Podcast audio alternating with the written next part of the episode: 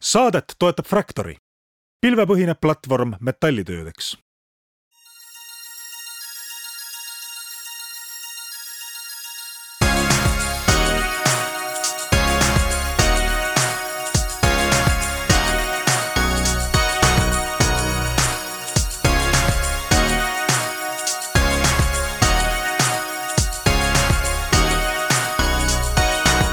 tere kõigile Restardi kuulajatele, kolmapäev on käes ja Taavi Kotka, Hendrik Roonemaa tervitavad äh, stuudios järjekordset külalist, kellega me teeme teoks vähemasti ühe oma lubadustest kutsuda aasta aja pärast firmasid uuesti. meie tänane külaline käis siin umbes täpselt aasta aega tagasi ja selleks tänaseks külaliseks on Katana, kes on aastaga kõvasti kasvanud, äh, vahepeal tõstnud päris arvestatava hulga raha ja me räägime täna Katana kaasasutaja Kristjan Vilosiusega sellest kuidas Katana arenenud on, millised on väljavaated ja kui, äh, kunas see vili võiks hakata piisavalt küpseks saama, et äh, seda ka maitsta saaks, nii et selline saade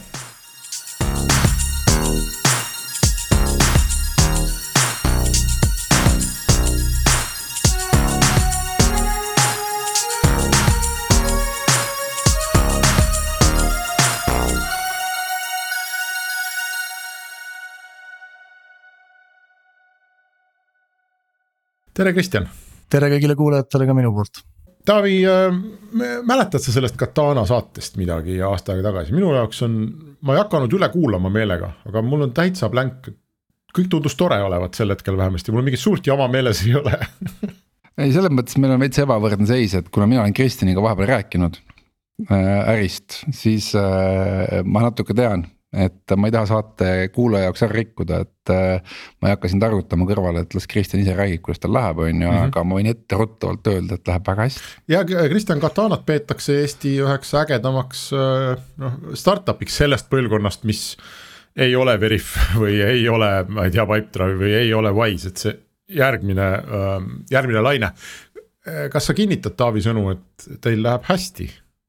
Julgen kinnitada, et meil läheb hästi. millega sa seda mõõdad, kuidas, mis, mille alusel sa seda ütled vot see on hea küsimus, äh, kõigepealt äh, eks nagu iga ettevõtte puhul tuleb alustada sellest, et äh, kas oma pikka visiooni, oma missiooni oleme me täitmas, kas me liigume õiges suunas ja kas see progress sinna suunda on kuidagi ka mõõdetav numbriliselt.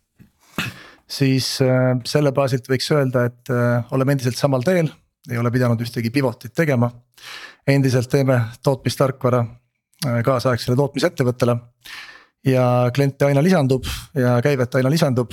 Äh, oleme endiselt iga kuu kasvanud, ei ole veel ühtegi languskuud meil olnud Katanas.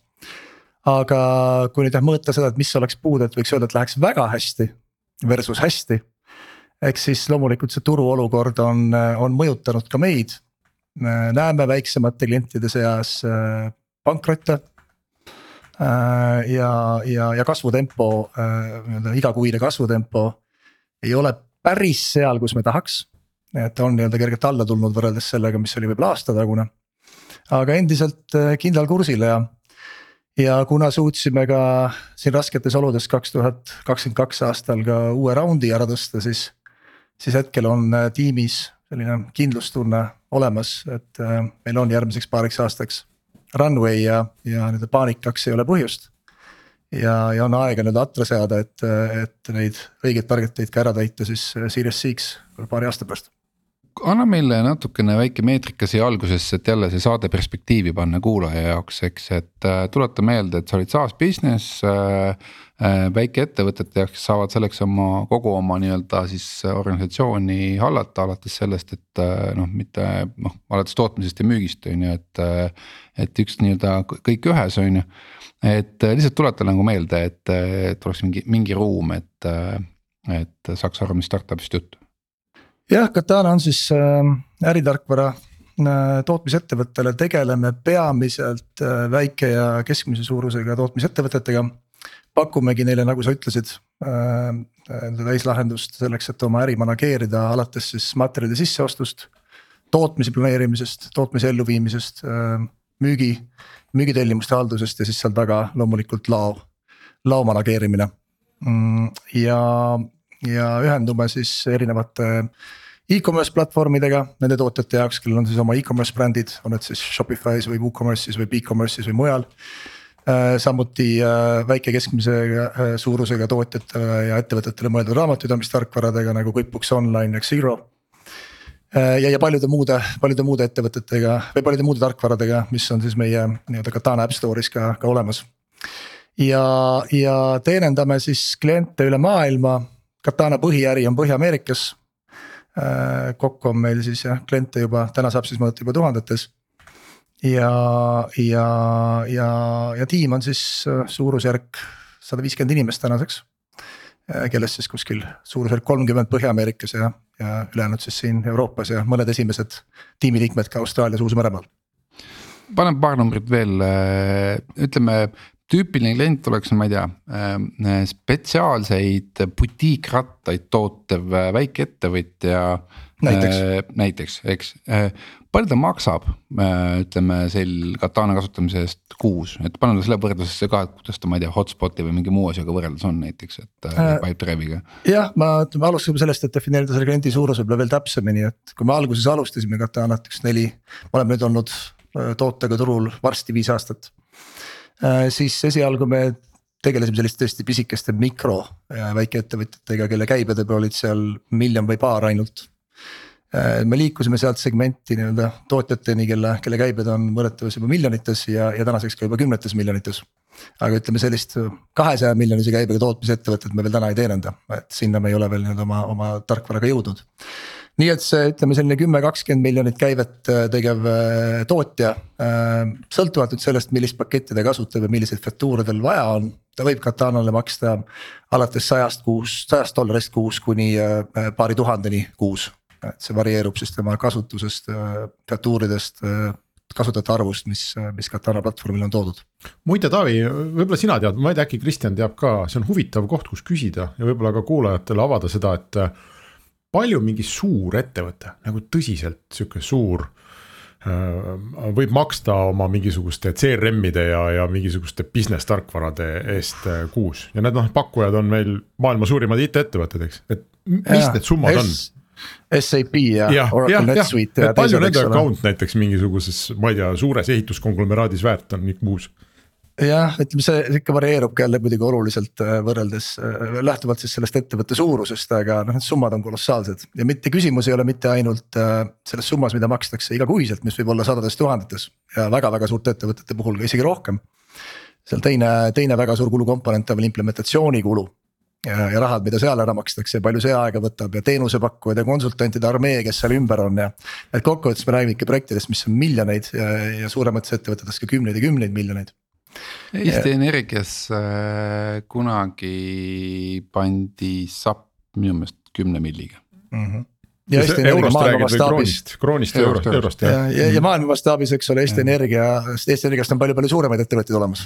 jah, noh, selles mõttes nagu mingi mastaap, et ja kuskilt maalt hakatakse ostma seda ikkagi niimoodi, et äh, noh ostetakse nagu saia ja, ja tihti jääb ka riiulisse, et keegi pole karbist väljagi võtnud, on ju, et äh, eriti Ameerikas noh, et selles mõttes täiesti normaalne. no kui vaadata, kui me üldse Katana äh,, Katanaga alustasime, siis üks nii-öelda üks põhiteese, mida me oma analüüsist nägime, oli see, et. meil ongi, eks ole, maailma suurimad äh, äh ettevõtted, nagu sa enne ütlesid, Henrik, eks ole, SAP, Oracle, NetSuite. ja kui vaadata nende kliendi rahulolu statistikat, mis on siis NPS score siis SEB puhul see on negatiivne. See on kallis, aga halb teenus jah, põhimõtteliselt meil on turuliider, eks ole, kes, äh, kelle teenust, kelle tooteid kõik kasutavad, kuna seal on väga vähe valikut, eriti kui me räägime suurettevõtetest, seal on väga vähe valikuid. ja, ja samal ajal kõik vihkavad. ühesõnaga maksimum on sada, heaks peetakse neljakümmend viite pluss nelikümmend viis ja negatiivne, no miinuskala on ka miinus sada on ju, et siis miinus sajast sajani, et sa oled miinuses nagu,. et aga see miinus, miinus tähendab seda, et äh, vaenlasele ka ei soovitaks seda, seda jama endale osta nii ta kipub olema jah, ja et ega Oracle NetSuite'i vist väga palju parem seis ei ole, ma võin siin võlgu jääda viimase statistikaga minu arust, minu teada ta on küll positiivne, aga nii-öelda. ühe, ühe, ühekohaline number. palju teil on? noh, ma jätan selle enda teada, ütlen aga nii palju, et me oleme, et me oleme oluliselt, oluliselt kõrgemal äh, selle numbriga. kas te olete ülevalpool äh, nulli või allpool, küsime niimoodi. me oleme oluliselt ülevalpool nulli jah Apple'il on umbes nelikümmend viis, kui ma õigesti mäletan peast, et äh, Mhm. seda peetakse suhteliselt nagu benchmark'iks, et kõik, mis on üle selle, on üle mõistuse hea ja kõik, mis selle ümber on, on juba okei okay juba.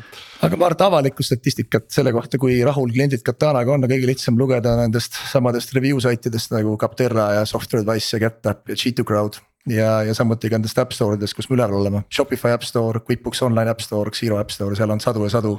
reitinguid ja hinnanguid Katana kohta, kus saab selle skoori kätte kuule, aga võtame nüüd tagasi, et äh, aasta tagasi käisid ja rääkisid meile seda lugu, et mismoodi Katana siin loodi ja kuidas ta on ikka arenenud ja nii edasi, on ju. sa rääkisid meile, et sa tahad sinna SAP-i suuruseks kasvada kunagi. ei, mitte pigem seda, ma pigem küsiks nagu, mis nagu aastaga muutunud on. et äh, okei okay,, tõstsite raha ära, väga hea, nüüd on mingi safe on nagu selja taga, eks on ju. see oli teie jaoks A-round või B-round? see oli B-round. B-round on ju, nii äh,. tõstsite raha ära nii, mis nüüd äh, selles mõttes nagu, mis finding ud nagu veel on, et, et tasub sinna Ameerikasse jääda, pole mõtet ronida siia Euroopa poole või Aasia poole on ju, et. et mis, mis sa aastaga oled targemaks saanud? esiteks aastaga on muutunud see, et toode on muutunud oluliselt küpsemaks, me oleme saanud suurematele nii-öelda enda mõistes suurematele klientidele ligi, eks ole, sammhaaval liigume sinna suunas. oleme saanud aru, et, et me sobitume väga hästi mitte ainult väike, väiketootjale, vaid ka oleme juba nii-öelda väga selgelt jala ukse vahele saanud keskmise suurusega tootjate suunas Äh, oleme sellest, noh Katana tegelikult on kasutuses kaheksakümnes erinevas riigis. Äh, kuigi meie põhiturg on Põhja-Ameerika, nii et meil jookseb seal datat sisse ka äh, globaalselt, et kus, kus, kus me näeme, et meie nõudlus on kasvamas ja kus, kus me näeme, et on, on nii-öelda tootele koht. aga täna ikkagi selgelt see tõmme nagu Põhja-Ameerika turul on kõige tugevam. ja, ja võib-olla, kui me vaatame ka seda kriisi äh, ilminguid meie, meie geograafiates, kus me tegutseme, siis äh, mulle tundub, et Põhja-Ameerika on ka kõige vähem pihta saanud, kui me näiteks võrdleme UK-d, mis on meil suuruselt vist teine turg. siis seal on, seal on see nii-öelda mõju kriisist olnud suurem kui, kui Põhja-Ameerikas, nii et oleme jäänud hetkel selle geograafia truuks. oleme ilusti kasvatanud klientide arvu, oleme ilusti kasvatanud käivet. ja, ja muidugi võtnud juurde ka hea hulga inimesi. ja nüüd selle rahaga, mida me kaasasime, äh, peame me nüüd ütleme numbritesse minemata võiksin vahet teha siis nii, et me oleme tänaseks tõestanud, et Katana on tubli väike tarkvara, mida on turule vaja.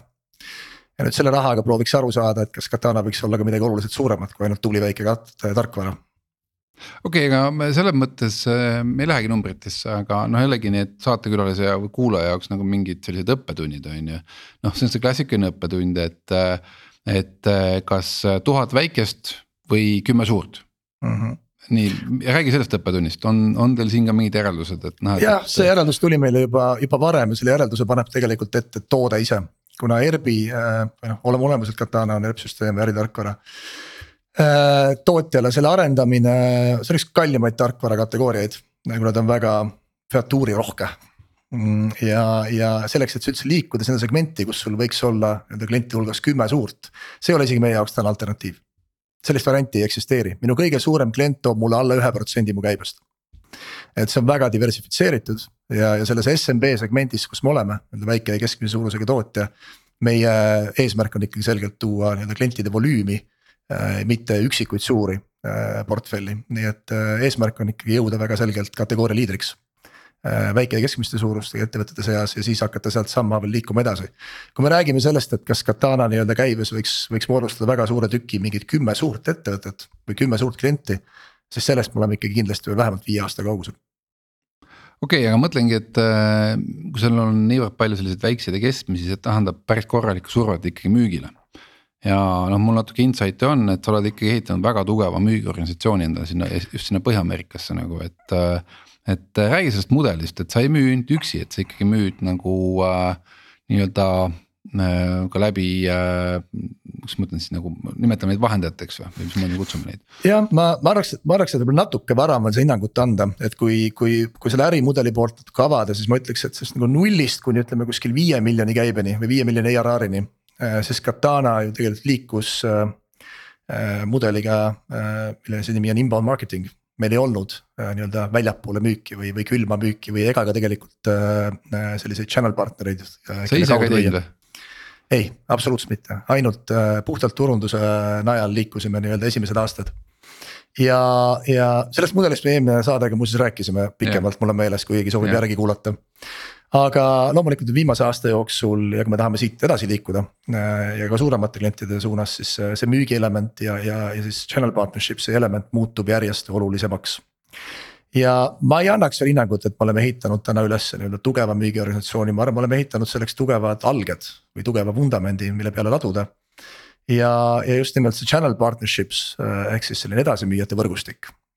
konsultantide võrgustik, raamatupidajate võrgustik, kes Katanat soovitab ja siis saab Katana käest nii-öelda selle kick-back'i, eks ole, selle soovituse eest see on, see on see mudel, millele me peamiselt äh, rõhku hetkel pöörda, pöörame ja see on ka see nii-öelda müügikanal, mis kõige kiiremini kasvab ja selle kõrval me siis nii-öelda ehitame sammhaaval üles ka sellist nii-öelda külmamüüki ja, ja oma müügimeeste tiimi. Äh, aga, aga jah, need on veel nii-öelda veel baby steps. üks huvitav asi, mida sa enne ütlesid, et sa juba näed tegelikult, et, et see majanduskriis on mingitele teie klientidele ikkagi pihta saanud, et on seal pankrotti olnud ja ähm, kas on kriis või selles mõttes, et ma loen uudistest ja justkui ühed ütlevad, et on kriis ja teised ütlevad, et et võib-olla õnnestub kriis ära hoida ja, ja käib selline vaidlus ja aktsiaturud ka ei ole nagu suutnud otsustada, et kas siis on mingi kriis või ei ole mingi kriis. kas sina näed oma klientide pealt, on siis mingi kriis või ei ole? mm,? ütleme suures pildis ma ei ole kvalifitseeritud kommenteerima, võin ainult oma sektori vaates, eks ole, anda hinnanguid ja, ja meil on üks selline huvitav KPI, mida me mõõdame, et kuigi me oleme SaaS ettevõte, siis me mõõdame tegelikult sellist nii-öelda meetrikat nagu GMV ka ehk siis me mõõdame GMV-na seda, et kui palju käivet meie kliendid Katana platvormis äh, aastasel baasil nii-öelda läbi, läbi, läbi kärutavad. ja see number on äh, natuke üle miljardi äh, hetkel. ja me oleme jälginud selle numbri kasvamist, kahanemist nii-öelda viimaste aastate jooksul. ja, ja hetkel ma julgen öelda, et me näen sihuke oma kliendibaasis kuskil sellist miinus kümmet, miinus viiteist protsenti. see on päris palju tegelikult. seda on päris palju jah ja, ja, ja noh, loomulikult see total või see kogu GMV number on meil jätkanud kasvamist, sest klientide arv kasvab. aga kui ma nüüd taandan selle ühe kliendi peale, siis, siis seal on, seal on mõju. nii et selle valguses ma võiks öelda, et, et see kriisi element on olemas, ma näen ka neid pankrotte nii-öelda äh, iga, iga kuu ja mitmeid ja mitmeid, eks ole, oma nii-öelda selliste.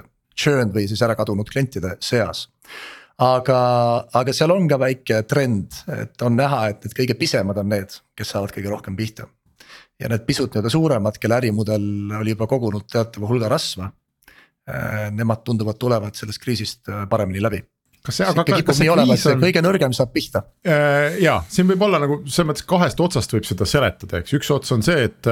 et tarbijad on hakanud vähem ostma nende kaup, mida iganes nad teevad, on need kastirattad või porgandihoidjad on ju, et see ei lähe müügiks mm. -hmm. ja seetõttu nad panevad pildid kotti. teine võimalik selline seletus, lähenemine on see, et noh, et oligi liiga hästi raha käes, et igasugu lollid mõtted hakkasid teoks saama inimestel, eks ja noh, kohe, kui asi läks keerulisemaks, siis need lihtsalt kukkusid kokku, et tarbijatega ei ole midagi juhtunud. noh, lihtsalt raha ei tule nagu peale, et no kummalt poolt sa läheneksid sellele? ma arvan, et see on ikkagi jah, tarbija nii-öelda mm, ostuvõime ostuvalmidus. noh, väga palju Katana klientidest on äh, tarbekaupade tootjad asjad, mida sa igapäevaselt tarbid oma elus. alates äh, kosmeetikast, joogitoiduni, elektroonika, äh, erinevad hobikaubad, mööbel. ja noh, seal see ostuvalmidus ja ostumaht on ikkagi tarbija, äh, tarbijakäitumises muutunud ja ma arvan, et see mõjutab neid kõige rohkem. ja, ja nüüd need ettevõtted otsivad efektiivsust. ja, ja ma arvan, et selles kriisi nii-öelda esimeses etapis, me hakkasime seda nägema juba eelmise aasta suvel ja, ja ütleme, see võib-olla isegi oktoober, september periood tundus see nagu efekt kõige suurem Äh, ja siis äh, tekkis sihuke väike ilmselt klientide hulgas selline paanikahetk ka, eks ole, hakati väga kuludele otsa vaatama ja, ja, ja nii-öelda ladu, ladu kärpima ja kõike muud. Äh, kõige varasem kriis, mis, mis on olnud, on, on tegelikult kaasa toonud tehnoloogia investeeringute suurenemise ja otsitakse läbi tehnoloogia seda efektiivsust, läbi digitaliseerimise. ja ma arvan, et me näeme seda selles, selle kriisi teises pooles Äh, mistõttu me oleme selles, selles mõttes Katana vaates väga optimistlikud. aga võib-olla optimistlikud kaks tuhat kakskümmend neli osas ja võib-olla veidi vähem kaks tuhat kakskümmend kolm osas, kus me oleme pannud pisut konservatiivsemad eeldused oma kasvule.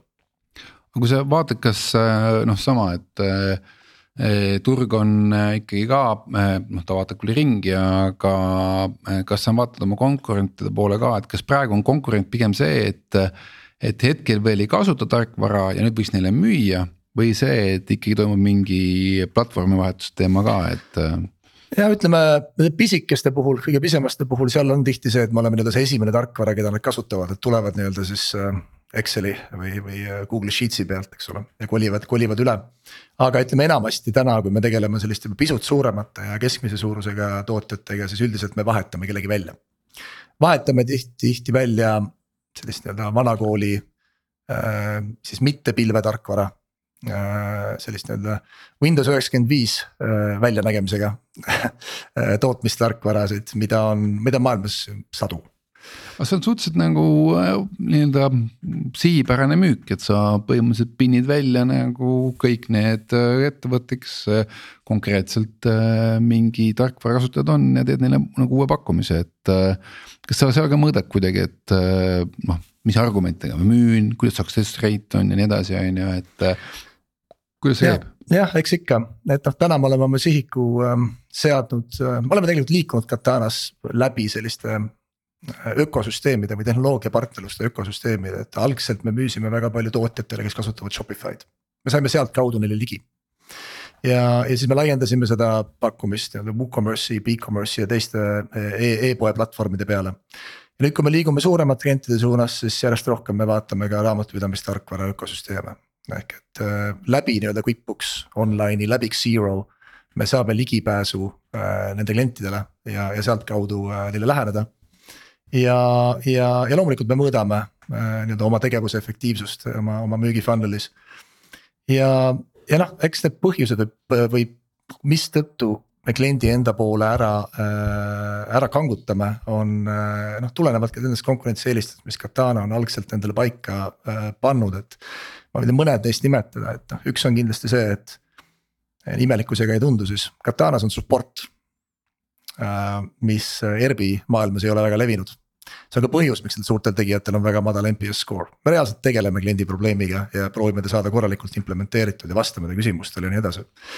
Teiseks see tarkvara ise, mida me oleme arendanud äh,, igas Katana tootetiimis on tootedisainer äh,. väga paljud meie konkurendid tundub olevat arendatud äh, või disainitud arendajate poolt. arendajad on briljantsed inimesed, aga võib-olla mitte tingimata alati kõige paremad disainerid.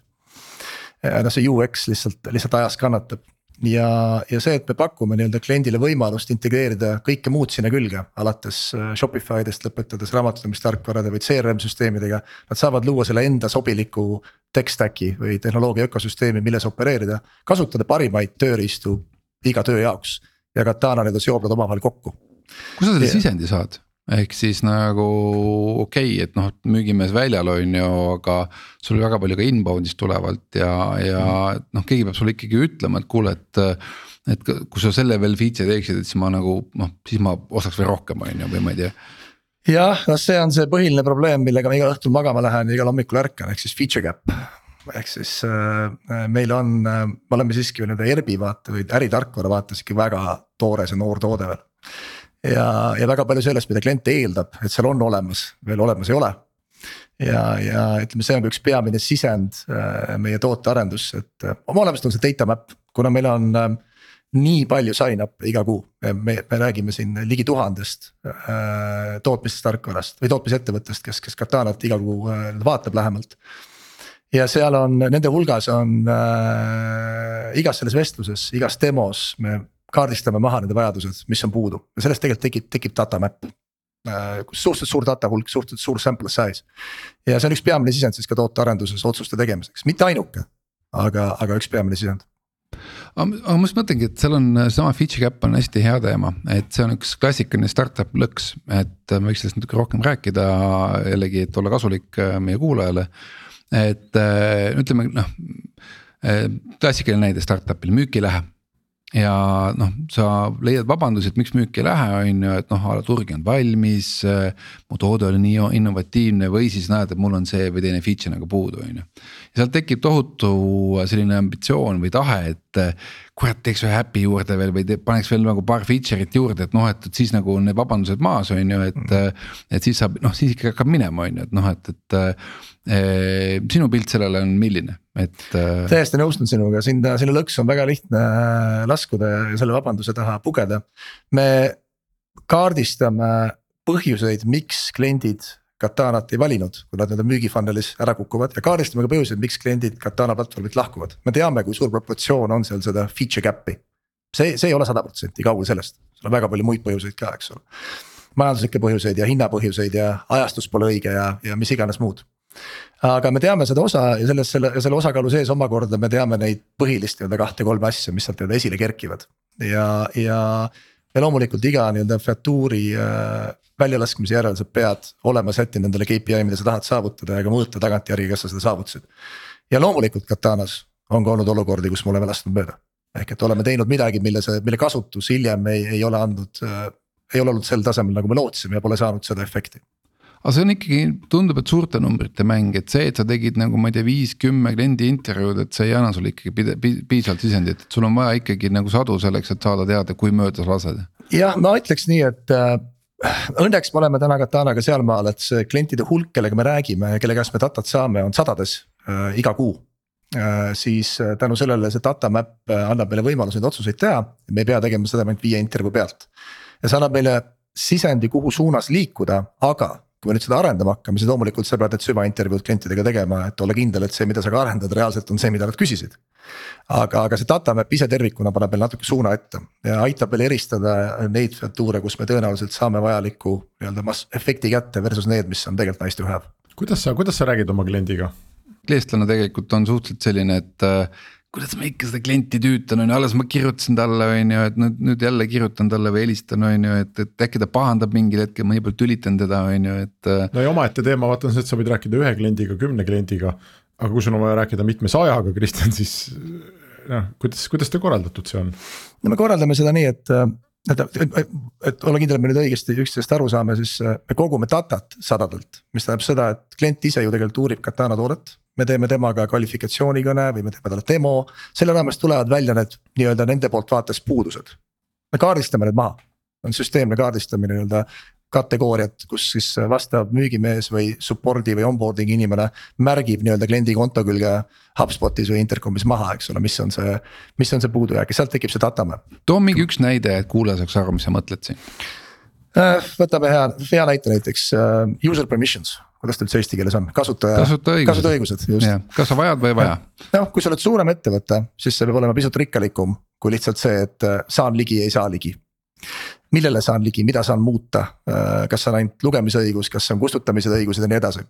et äh, seesama kliendi intervjuu raames, kus toodet demotakse, kliendil tekib küsimus, me vastame, näitame, mis meil täna on, klient ütleb, aa, võta need asjad on mul siin puudu, mul on neid vaja, märgime maha nii ja niimoodi me kogume neid hääli kõikide erinevate featuuride kohta, mida kliendid meie käest küsivad, sellest tekib see data map. ja kui me nüüd arendama hakkame, siis me võtame selle data map'i ette, valime sealt selle teema, mis me usume ja näeme, et on see järgmine kõige, kõige suurema mõjuga asi, mida arendada vaja ja seejärel minnakse juba tehakse siis süvaintervjuud klientidega, kes on seda küsinud, et olla kindel, et see meie MVP sellest ka nende vajadusi rahuldab. ja kui see valmis on, siis sul on list kliente, kes ütlesid, et mul on vaja kasutajaõigusi ja siis sa lähed uuesti nende juurde tagasi, ütled, et nüüd mul on. no nendega sa juba tegelikult testid siis arendusperioodi jooksul mm, -hmm. et kas sa oled õigel teel, eks ole, ja annad ka neile selle early access'i. et, et kontrollida, et see tegelikult ka toimib, enne kui sa rullid lahti selle kõigile klientidele aga USA-s on suht levinud äh, ka selline müük äh, nii-öelda slideware'iga, et uh, soon to come või soon to happen, et varsti juhtub, on ju, et kui palju te neid teste teete, et noh, ongi põhimõtteliselt näitate küll päris toodet, aga noh, mingites kohtades on punased lapikesed, mis ütlevad, et oh, siia kohe tuleb nagu mega asi nagu, jah, noh, et ütleme siis nii, et ega eestlane selles ju nagu super hea ei ole oma natuurilt, nii-öelda müüa ära asju, mida tal ei ole välja arvatud, kui asi puudutab kortermaju, kortereid, siis vahepeal ostetakse küll. teatud valdkondades me oleme teinud progressi, eks ole, aga ütleme, eestlased on ikkagi keskmisest ikkagi väga kehvad müügimehed äh, võrreldes maailma keskmisega minu hinnangul. Äh, vabandan, kui ma sellega mõnda väga head müügimeest Eestis kuidagi solvasin, see ei olnud mu eesmärk, aga keskmiselt, rõhutan keskmiselt Äh, siis noh, müügitiim on meil tegelikult Põhja-Ameerikas ja, ja, ja, ja nad oskavad nii-öelda kohalikule kliendile müüa. ja loomulikult seda nii-öelda roadmap'i featuuridest, mis on tulemas, müügikõnes kasutatakse aktiivse argumendina. aga ma rõhutan siinkohal ühe asja üle, Katana ei ole teinud ja ma usun, et ei hakka ka kunagi tegema äh, arendusi äh, ühe kliendi vajaduste järgi. et äh, meil on äh, standardiseeritud platvorm mida, milles klient saab küll ise sees teatavaid selliseid ümberkujundusi ja kohandusi enda jaoks teha. aga me ei arenda, me ei arenda tarkvarasse featuure ühe kliendi vajaduse järgi aga seda õnnestub ka, seda õnnestub ka Kristjan ju teistpidi äh, küsida seda asja, et sa enne ütlesid, et me oleme selline kuulame klienti ja, ja noh, tahame, et meil oleks see net promoter score oleks väga hea ja meil on support ja. ja samal ajal meie kliendi arv kasvab iga kuu, eks ole, tohututes numbrites, et kaua ja kuidas sa suudad seda hoida. et noh, mingil hetkel sa paratamatult jõuad sinna graafikul sinna lõikepunkti, kus sa oled ise vastik suur, sest noh, üks tahab ühte, teine klient tahab teist, support on kallis, siis miks sul tarkvara nii kallis on? no vot, mul on support, ah me ei taha seda. see mingi hetk tekib see koht või ei teki tekib see turuküllastus, ma arvan, see turukülastuse element, noh sellest me oleme esiteks veel väga kaugel ja teiseks on see väga kanalite spetsiifiline, ma arvan, me hakkasime nii-öelda kuskil. võib-olla eelmisel aastal jõudma sellesse punkti, kus nii-öelda puhtalt äh, siis inbound marketing'iga äh, me ei saanud enam nii-öelda rohkem, eks ole, endale kliente peale. et nendel äh, review site idel ja äpp store idel on, on teatav nii-öelda klaaslagi milleni sa mingi hetk jõuad, kui sa oled oma positsiooni seal tugevalt kindlustanud. et siit edasi liikuda tuleb lihtsalt äh, teha kahte, esiteks liikuda uute kliendisegmentide juurde, see võib olla siis natuke suurem klient, see võib olla natukene külgnev klient. Äh, noh, lahendusi on mitu ja teine, liikuda uude, uute kanalite juurde. see ongi see põhjus, miks me oleme täna lisamas juurde, eks järjest rohkem äh, otsemüügi äh, partnerlusi. et sealt sa selle kasvu jälle leiad ja, aga noh, kui me vaatame, et me töötame täna tootmisettevõtetega, kelle käibed on seal mingid kümnetes miljonites ja mitte veel sadades. siis meil on tootmisettevõtteid, kellel käibed on sadades miljonites kelle käibed, käibed on miljardites ja, ja nii edasi, eks ole, et see, see turg on väga-väga suur, kuhu minna.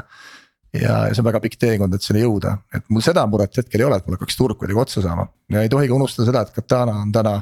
fokusseeritud ainult viiele ingliskeelsele rääkivale turule. mul on täna kliente Saksamaalt, Hispaaniast, Prantsusmaalt, Brasiiliast, Hiinast ja nii edasi kelle ja need on turud on, kus me ei ole absoluutselt veel kohal, ei, ei ühegi nii-öelda oma, oma inimese müügi ega support'i ega, ega partnerlusstruktuuriga. nii et see lokalisatsiooni element on veel nii-öelda kasvumootorina lisaks. ma sattusin hiljuti äh, peale üks, üks inimene, kes äh, teeb tarkvara, müüb subscription eid. Ehm, ta teda hakkas huvitama see küsimus, et, et mingil hetkel see kasv jääb nagu kinni, eks, et sa, sa saavutad mingi platoo subscription itega, kuigi noh see protsent turust, mis sa oled ära võtnud, on tegelikult väga väike, sa mõtled, et no jumal, jumal, mul on siit nii palju minna. ja siis ehtsa arendaja kombel ta üritas aru saada, mis värk on ja kirjutas äh, väikse tarkvara äh, kus äh, noh, sa saad mängida paari sisendiga, et palju mul trialeid on, eks ole, palju trialist konverteerub keskmiselt. ja, ja siis ta mingil hetkel saigi aru, et, et igal juhul tulebki platoo, kui sa neid alusnumbreid väga põhimõtteliselt ei muuda, et noh, sul lihtsalt enam ei tule nii palju trialeid peale kui palju sul vaja on, et sealt konverteeruks kasvuks, sest sul juba on nii Just. palju kasutajaid, on ju. ja ütles, oh, see avas minu silmad ja siis kõik võivad nüüd mängida ja vaadata, et kus nad oma äriga nagu selles positsioonis on. just jah, et äh, paraku see on nii, et, et sa räägitakse sellest nii-öelda esialgsest product market fit'ist või, või mingist channel fit'ist, et sa oled saanud mingisuguse mootori toimima, mis sulle seda kasvu toob aga noh, paraku see on igi, igavesti kestev innovatsiooni element. et äh, läheb mõni aasta mööda ja sa pead jälle uuesti nii-öelda tahvli juurde minema ja mõtlema, kust need järgmised kliendid tulevad, kus kanalist. kes see klient on? kas sul on õnnestunud seda nii teha sa usud, et õnnestub nii teha, et need algsed väiksemad seal väga pahaseks ei saa, et neil, noh sa neid ei pea nagu üle parda viskama? tead äh, aus vastus on siin see, et, et me näeme, et selles SMB segmendis tervikuna seda probleemi meil ei teki et täna ikkagi nende pakettide eristamise ja selle onboarding'u nagu lihtsana hoidmisena, et ei viska kliendile kõiki võimalikke featuure kohe ette. eks, et me ei, ei tee seda esimest kogemust või seda UI-d kuidagi väga kirjuks. ja klient ise nii-öelda töö käigus need lisavõimalused avastab.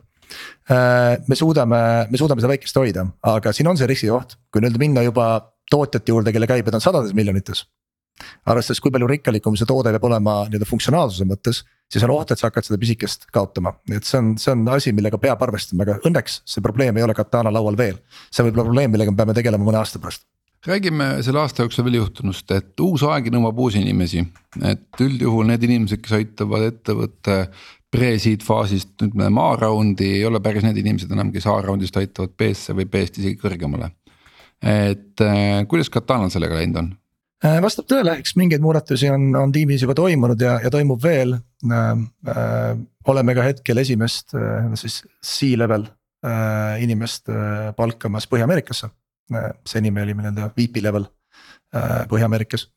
Ja, ja tiimi jah, täiendatakse ja, ja toome talenti juurde, just sellist talenti, kes aitaks meil öelda või kindlaks teha what good looks like ehk milline see hea olema peab, et kas me oleme nii-öelda oma protsessides ja oma tootes ja oma müügis ja kõiges muus nii-öelda sellel tasemel, kus me olema peame. ehk et inimesi, kes on seda teekonda varem näinud, kellel on see kogemus, kes on, kes on liikunud sealt äh, äh B-round'ist seesse ja C-round'ist E-sse okei okay,, aga see on ikkagi nagu raske koht, et ütleme, sul on mingi inimene, ta on teinud sul, ma ei tea, näiteks turundust on ju. ja, ja täitsa hästi on teinud, noh, ütleme nii, et äh, siiamaani ei ole olnud põhjust nagu vallandada, on ju ja nüüd sa ikkagi tunned, et sa tahad tuua siia inimese, kes on noh, nii-öelda näinud tulevikku või noh, ühesõnaga näinud sinu ettevõtte tulevikku mingis teises ettevõttes on ju. mismoodi see vestlus käib, et sa ütled talle, et äh, kuule, et, et ma mõtlesin siin, et ma võtan hoopis selle äh, Kiira sealt äh, Indiast on ju, et ta on ikkagi kõvem kärbes kui sina eks äh, see on muidugi väga situatsiooni spetsiifiline, aga äh, kui, mis ette jäävad seal teel, on inimeste egod. aga, aga kui kui sul on äh, sellised inimesed tiimis, kes tegelikult tahavad kasvada ja õppida ja siis nad ka ise tunnetavad mingi hetk ära, et noh, siit edasi minemiseks oleks vaja. võib-olla mul iseendal täna palgata kedagi enda peale. see ei ole kuidagi, äh, see ei ole kuidagi harv juhus, on ju, et seda juhtub startup ides tihti. kui tuuakse kogenumaid inimesi sisse. ja noh, sul on see valik, et kas sa nii-öelda sa näed ise, et sa spetsialisti või valdkonna juhina ei suuda tegelikult ettevõtte järgmist äh, kasvufaasi üksi ellu viia. sul on võimalus muidugi lahkuda, sul on võimalus ka võib-olla leida see, et sa palka, palgatakse keegi sinu peale, kes tegelikult aitab sul omandada ka selle kogemuse, et selle järgmise tasemele jõuda. ja sa tegelikult saad selle teekonna kaasa teha, et noh, need on paratamatud muudatused igas startup'is, mis, mis, mis ei ole kuidagi B-round'i spetsiifilised, need toimuvad juba varem, juba ka. aga vaata, kui see inimene on palgatud, siis on üks asi, et kui see inimene juhtub co-founder olema, siis on nagu veidi keerulisem, eks, mis. Öelda talle, et, et noh, nüüd me lepime kokku, et sa lähed minema või? See on nagu täitsa teistsugune vestlus. See on teistsugune vestlus jah, aga eks seal on nagu see koht, kus äh, noh, me peame aru saama inimestena, sealhulgas äh, ka ettevõtte tegevjuht või, või mis iganes muus positsioonil inimene on, ta peab ise aru saama sellest, et kus maani ta tegelikult suudab seda ettevõtet vedada. iga etapi, iga, iga elutsükli jaoks on, äh, on see parim juht võib olla erinev või see parim valdkonna juht võib olla erinev ja, ja noh, eks founder ite vahel on ilmselt neid olukordi olnud ju küll ja küll, kus, kus neid vestlusi peetakse, meil Megatanas täna sinna punkti veel ei ole jõudnud. kus ma tunnet, tunneksin, et ma peaksin nii-öelda ise, ise kõrvale astuma, aga see aeg ka kindlasti üks päev tuleb. ja, ja ma arvan, et see tuleb, see võib tulla nii-öelda kõikide tiimiliikmete jaoks. see CEO jaoks tuleb see ikkagi alati väga hilja, et äh, mis meil siin hiljuti oli, Netflixi äh, pikaajaline CEO astus tagasi ja siis turud tõmblesid väga närviliselt, isegi mhm. Netflixi puhul, et. Jesus, ta läheb minema, et noh, et ma, mis nüüd ikka saab. ma ei tea, akts läks üles arust kakskümmend protsenti nagu, et. Äh, no seal olid muud, muud põhjused ka, aga noh, see närvilisus oli nagu õhus, et.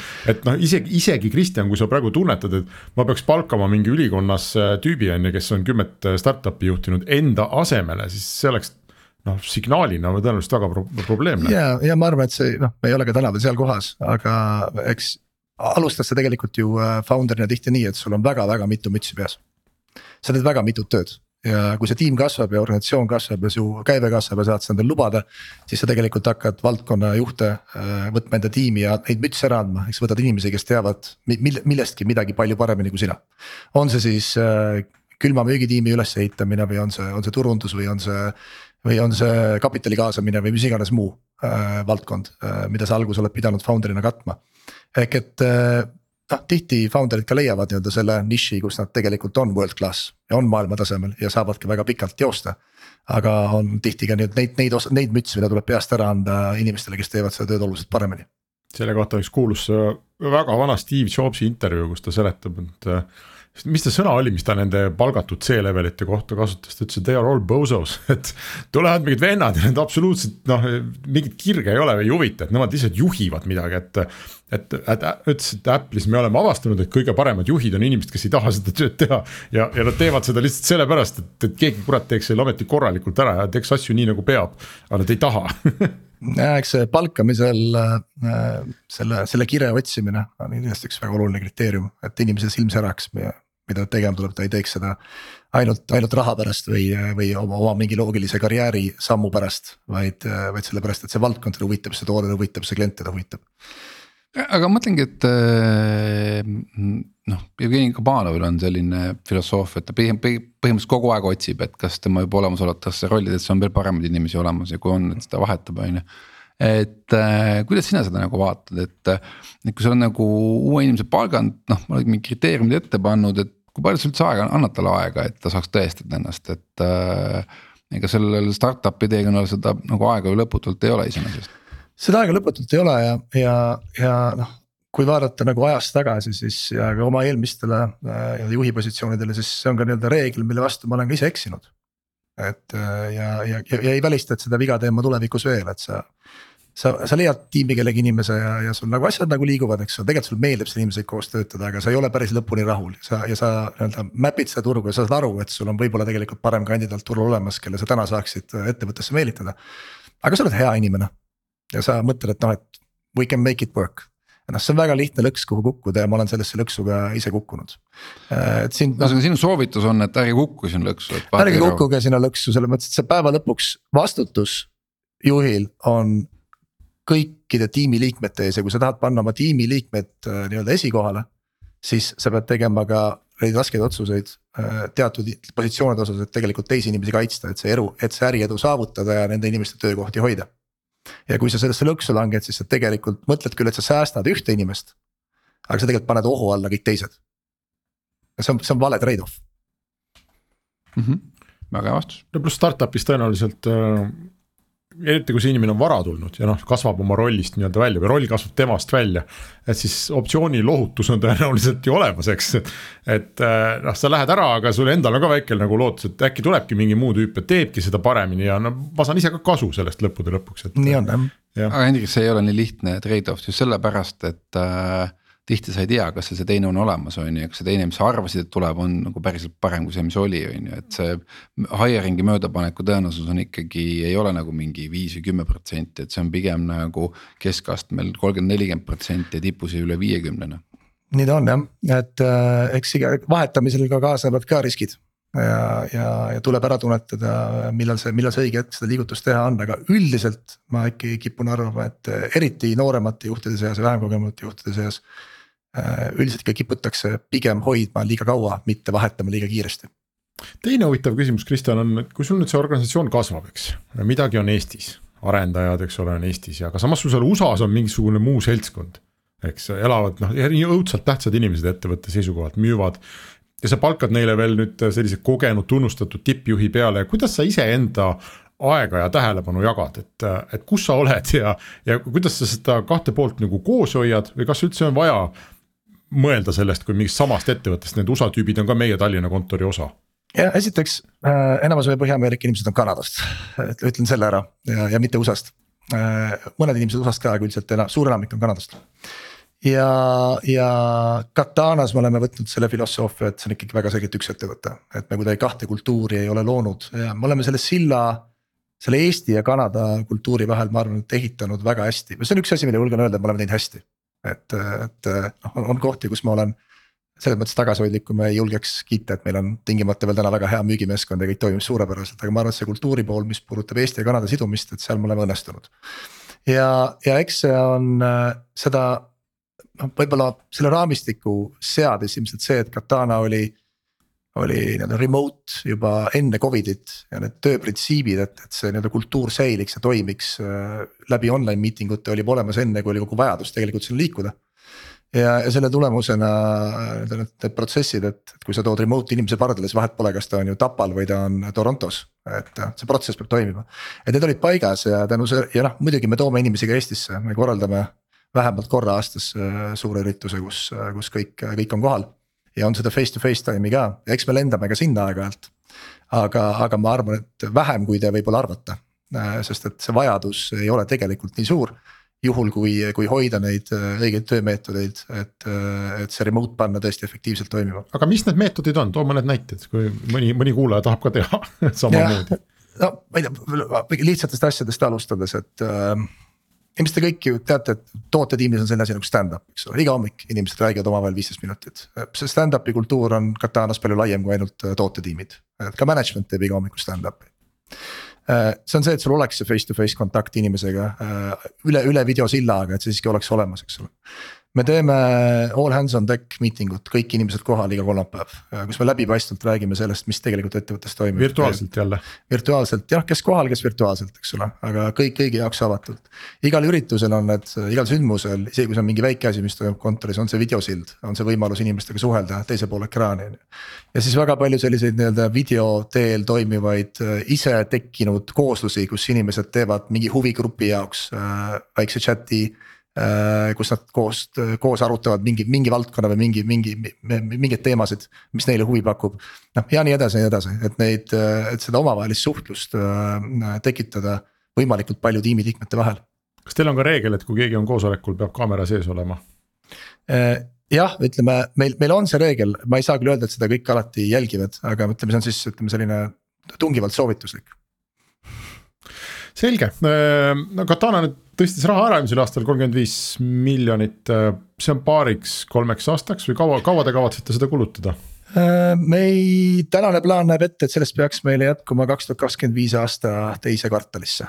nii et ütleme tänasest hetkest veel veidi üle kahe aasta. ja need moodsad sõnad nagu cash flow positiiv ja, ja isegi kasum ja et kas nendest on üldse põhjust rääkida või on täna käed suured? Need on väga moodsad no,. Need on moodsad, sest et öeldakse, et vanasti sai ilma ka rahaga, et nüüd ei saa rohkem nagu kahe aasta yeah. pärast sa ei saa, kui sul ei ole neid sõnu. jaoks on ikka moodne sõna, see ei ole vajalik. jah, noh muidu ei ole otseselt ka põhjust otseselt järgmist raundi kaasata, eks ole, et noh, meie puhul on see, et, et me selleks, selleks ajaks, kui me Series C teeme julgen, julgen välja visata, et me oleme selles kohas, kus ütleme seda kasumis või mittekasumis olemist määrab ainult üks asi, see on see, kui palju me investeerime järgmisesse tootesse ehk järgmise kliendi jaoks tootesse. ehk et äh, selleks ajaks äh, me oleme ilmselt punktis, kus me saaksime vajadusel äh, nii-öelda tootearenduse kiirust alla tõmmates ennast nende break-even'i suunas kiiresti liigutada, aga ma tõesti ei tahaks seda teha. See tahaks... tähendab siis arendajate hulga vähendamist peamiselt teil? või siis, või siis ka nende arendajate mitte juurde palkamist, eks ole, uute tootetiimide mitte avamist.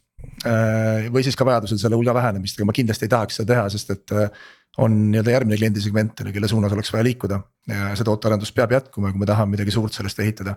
aga noh, nagu iga investor, kes raha paneb startup'i, vaatab seda, mida ta selle raha eest saab. et noh, siin on meil selge target ees, kuhu me peame oma käibenumbriga jõudma, et seda järgmist investeeringut saada. kui me seda ei saavuta, siis on selg vastu seina ja tuleb leida teine viis ellujäämiseks ja see tihti tähendab kulude kärbet. hea küll, me siis äh ma ei tea, kas järgmisel aastal on põhjust Kristjaniga rääkida, aga see kaks tuhat kakskümmend viis, eh, noh, see on pigem selline kahe aasta teema, vaatame. jah, ütleme kakskümmend neli, eh, hea meelega tulen tagasi, võib-olla kakskümmend kolm ei ole veel nii palju veel muutunud ja nii palju uudiseid, aga siis võib-olla on põhjust eh, väike check-in teha. selge aga aitäh sulle, Kristjan, soovime Katanale palju edu ja meie Taaviga siin leiame järgmise külas, külalise juba nädala aja pärast, nii et kohtumiseni. aitäh kõigile kuulamast